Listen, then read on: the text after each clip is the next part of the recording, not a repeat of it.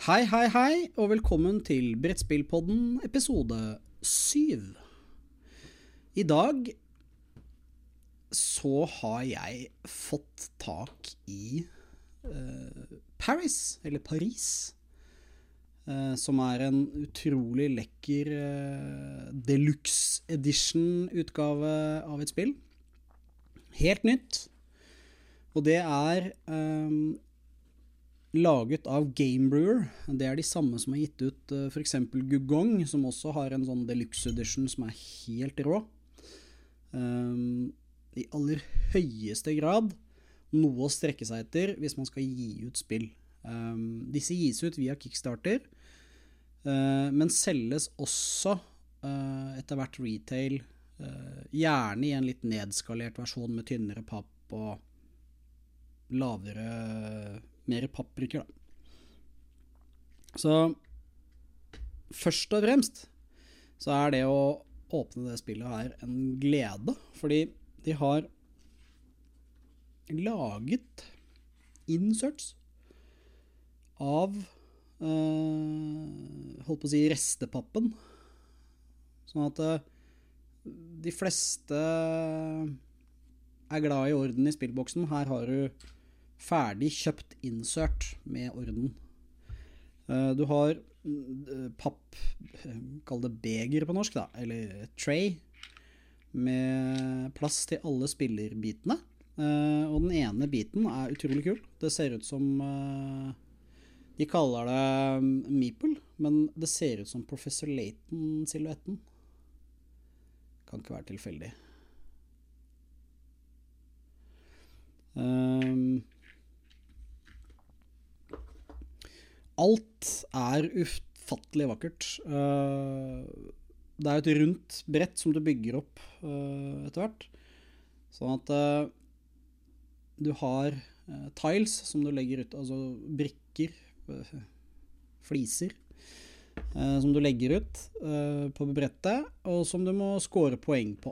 Så det man er da i dette spillet, er at man er sånn eiendomsmagnat som skal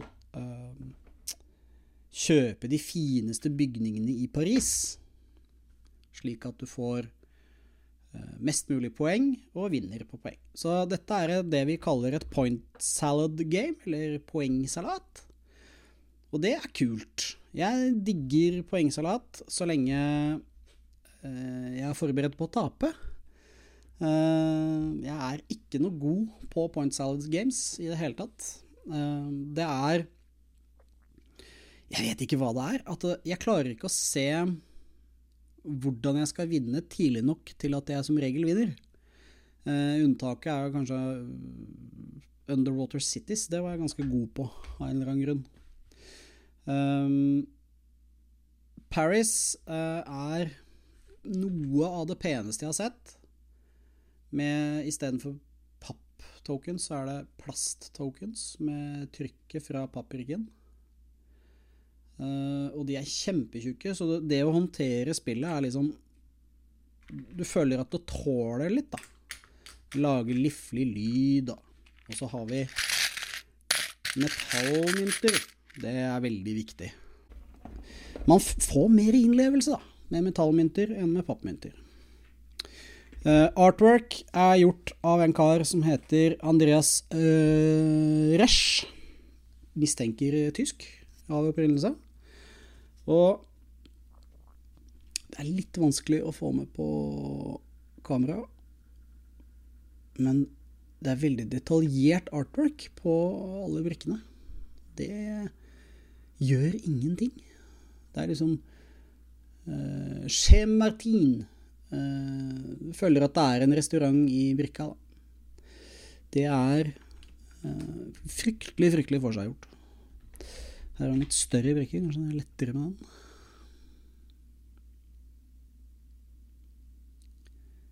Se på den. Den er utrolig pen, ass. Og det ser ut nøyaktig som det gjør på papptiles, som sikkert kommer i retail-versjon etter hvert. Eh, bruksanvisning på dette spillet er hvor mange sider? Det er åtte sider totalt med foran og bak. Alle sider utnyttes til tekst og bilder. Uh, syv sider Nei. Seks Nei. Første side er introduksjon og oversikt over alle komponenter. De neste to sidene, altså to og tre, er game setup med et digert bilde av hvordan det skal se ut, og det, sånt kan man bare like. Det er sånn game setup skal være, når du ser at sånn skal det se ut. Da kan du egentlig bare se på bildet, og så gjøre sånn som på bildet, så slipper du å lese alt sammen. Ofte. Bør leses første gang. Og så er det game overview, og der blir vi forklart at i Paris så skal vi eh, ta roller som eh, eiendomsinvestorer som eh, skal kjøpe de mest utsøkte bygningene i det 19. århundrets Paris. Vi scorer VP, altså Victory Points, eller seierspoeng på norsk, ved å kjøpe bygninger eller å få bonus-tiles. Jeg kaller det konsekvent fliser på norsk, for det er faktisk det det er. Det er en diger flis. Men i Norge så ville nok de fleste spilloversettere kalt det bonusbrikke. Uh, og det de, Vi får være enige om å være uenige om akkurat det der, fordi jeg mener at uh, det er ikke så farlig i det spillet her. Her kan du godt ha ordet brikke på alt sammen omtrent. Men i spill som Carcassonne, med big box-utgivelser, hvor det er fem eller seks eller ti forskjellige små uh, utvidelsespakker oppi boksen, og typ 52 forskjellige brikker, så er det nesten umulig å forstå hva de forskjellige brikkene er etter hvert som du kommer deg ned i expansions. Du må være supergod for å klare å få til noe sånt. Og faktisk, når jeg tenker meg om, så er det veldig mange forskjellige typer deler i dette spillet også, som gjør at ordet brikke på alt sammen kan forvirre hvis en eller annen person har blitt veldig glad i brettspill, men aldri har spilt noe sånt som det greiene her, og får tak i noe sånt på norsk. Så det kan være lurt å vurdere å gjøre noe med ordet brikke på norsk. Pollett, skjetong, flis, whatever som skiller det fra det andre. Eh, side fire og fem i regelboka er gameplay. Først liten game overview som jeg ramsa opp. Og så er det hvordan du spiller spillet på to-tre sider. Og så er det en halvside med End of Game på side 7. Og så er det appendix på side 8 som viser hva de forskjellige bonusflisene gjør. Uh, og jeg ser nå på ikonologien at den er rimelig uh, logisk. Det er ikke, du skal ikke behøve å blafre mye i den boka her for å lære det. Og det er bra. Dette er et spill som jeg vet nøyaktig hvem en skal spille med. Uh, og jeg tipper at jeg kommer til å havne sånn type sist av fire. Det pleier jeg å gjøre. Noen ganger eh, Det hender sånn en gang i jubelåret at jeg klarer å, klarer å vinne. Uh, men som regel kommer jeg sånn sist eller nest sist. Det syns jeg er greit, fordi for meg så handler brettspilling hovedsakelig om Eh, det sosiale eh, rundt det, og så selve spillet. Det å oppleve mekanikken som designeren har laget. Det er en fantastisk uh, opplevelse. Og sånne spill som dette, hvor alt er sånn super gjennomført, med egne uh, nøkkelbrikker, uh, eller hva man skal kalle det, er ikke så lett på norsk. Vi har ikke så altfor mange ord på ting. Uh, hva kaller de det, den nøkkelen der? De kaller den Nøkler. Det var smart. Dette er en nøkkel. Det ser jeg jo. Bør ikke surre noe mer med det. Ikke noe brikkenavn i det hele tatt. Konge. Eh, det som bør nevnes på dette spillet, er at det er veldig, veldig forseggjort på, på alt, da. Eh, og det med inserten Det at du bretter inserten til Eller du bretter papp for å lage insert, og det er en funksjonell insert.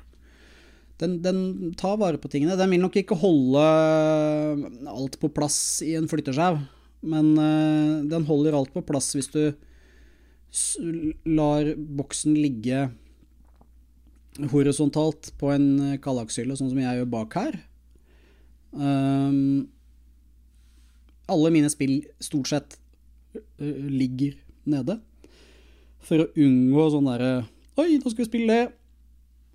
Åpne opp boksen, og så er det bare sykeste hulter til bulter som fins i hele verden. Det er ikke noe stilig for noen. For da bruker du typ en halvtime på å liksom sope alt sammen og få de riktige bokser og hele pakka. Så jeg er veldig pro insert-bransjen. Jeg digger kule inserts, og um, i det siste så har jeg fått tak i en god del innmari kule inserts som um, Blant annet så har jeg fått samla hele Lord of the Rings-utgivelsen i én boks med folded space insert, uh, og det er helt konge, altså. Du kjøper en liten boks med noen Det er nesten som skumgummi. Sånn. Det er ikke Capax-board. Det er noe annet. Det er noe, det er noe som uh, tåler mer enn de Capas-brettene. Uh, og så er det fem millimeter tykt, så det, det, det, er relativt lett å jobbe med uh, når du skal lime det og sånn. og, og så hans eller hun som designer disse insertene, er veldig flinke til å designe inserten rundt komponentene i spillet. Sånn at eh, hvis det er sånn som i eh, Gloomhaven Jaws of the Lion, som jeg også har fått sånn insert, så er det en god del pappbokser som helst ikke skal åpnes. Og det har de jobba rundt. Sånn at de pappboksene tar man da vare på. Og da slipper man å ødelegge legacy-elementet i spillet. Det er helt konge. Og så er det veldig Jeg digger når jeg kan få samla uh, på en måte Lord of the Rings. Det er et stort spill med mye deler. Uh, og det er gitt ut tre uh, tilleggsutgivelser. Altså det er én til base game, da, eller hovedspillet, så er det én figureske med tre figurer som er bosser. Og så er det én uh, fullverdig tilleggspakke med fem helter og masse kort og masse greier, som tilfører veldig mye variasjon i spillet. Masse map tiles, nesten dobbelt så mange. Eller det blir dobbelt så mange med de to boksene til sammen. Og så er det gitt ut nå, nå nettopp, bare for, for, noen dager siden, nei, uker siden, så er det gitt ut enda en sånn figurpakke med tre figurer til expansion. Og det er en sånn FFG, Fantasy Flight Games-modell, eh, som gjør at de eh, De melker kua noe så innmari. Uh, det spillet er jo da spill, drøy tusing. Og så er det, jeg vet ikke, et par hundrelapper fordi det er små boksene. Så to av de. Så er det oppe i 1400 kroner. Og så er det rundt 600 kroner uh, for den tilleggspakka. Så det er oppe i 2000. Insert jeg vet ikke, 400-500 kroner. Det er, ganske, det er mye deler som skal limes. Um, så det er oppe i 2,5 pluss lim, som ikke koster stort, uh, for du bruker trelim. Uh, sleeves, kanskje. 500 kroner der. Og da er du oppe i en investering på 3000 kroner. Og det, det Det er uten å ha kjøpt DLC-ene som koster 75 kroner på appen. Det begynner å bli ganske mye penger, FFG, bare for å få spilt Lord of the Rings-spillet. Og det er et bra spill, det er ingen som kan ta fra det spillet der. Um, The Naysayers uh, sier at ja, men det er app, så det funker ikke om ti år. Vrøvl og vås. Vi har PC og Mac og internett om ti år også, og da funker det om ti år også. Og uh, for å være helt ærlig, så skal det et eh, Det er lettere å begynne å tro på Hades eh, enn at Apple kommer til å forsvinne på ti år. Det er en av de ti største firmaene i verden, og det, det eneste som kan senke det, er hvis de har holdt på med falske tall eller et eller annet sånt, og det blir ferska. Litt sånn Exxon, Exxon Mobile-triks. Uh, uansett så er dette en hobby som uh, kan være fryktelig, fryktelig dyr, da. For uh, de av oss som er oppriktig glad i det. Og, og, så er det kanskje Det varer kanskje ikke evig. Altså Når du har spilt spillet, hvis du spiller det ferdig En i gruppa vår er jo ekstremt opptatt av å spille spill ferdig. Og det er kanskje ikke så dumt, altså. Fordi hvis du legger 3000 kroner i et spill med alt utstyr, da, så er det vel kanskje greit å få litt valuta for penga. Men igjen Lord of the Rings, da. Si at uh, det koster 2500 kroner. Vi er fire stykker som har spilt det elleve ganger. Og da begynner jo regnestykket å bli ganske hyggelig. Hvis du tar 2,5 delt på 4 delt på elleve, så blir det ikke store summen per hode. Og da kan du begynne å holde det opp mot noen kinoturer, altså. Fordi én ting er summen, en annen ting er liksom underholdningsverdien her. Man har veldig, veldig lett tilgjengelighet med diverse på dette mediet her. Altså mobiltelefonen er kanskje det vi bruker mest av alt uh, til alt. Og da er det vel ganske sannsynlig at oppsvingen vi har på brettspill i våre dager, skyldes at vi har vi har en stillesittende jobb med en elektronisk utgave, og vi må ut og trene og alt det der. Det er greit å ha noe annet å fordype seg i. Noen leser bøker, noen strikker, noen driver med brettspill. Og da er det viktig å bevare roen og fortsette å spille brettspill.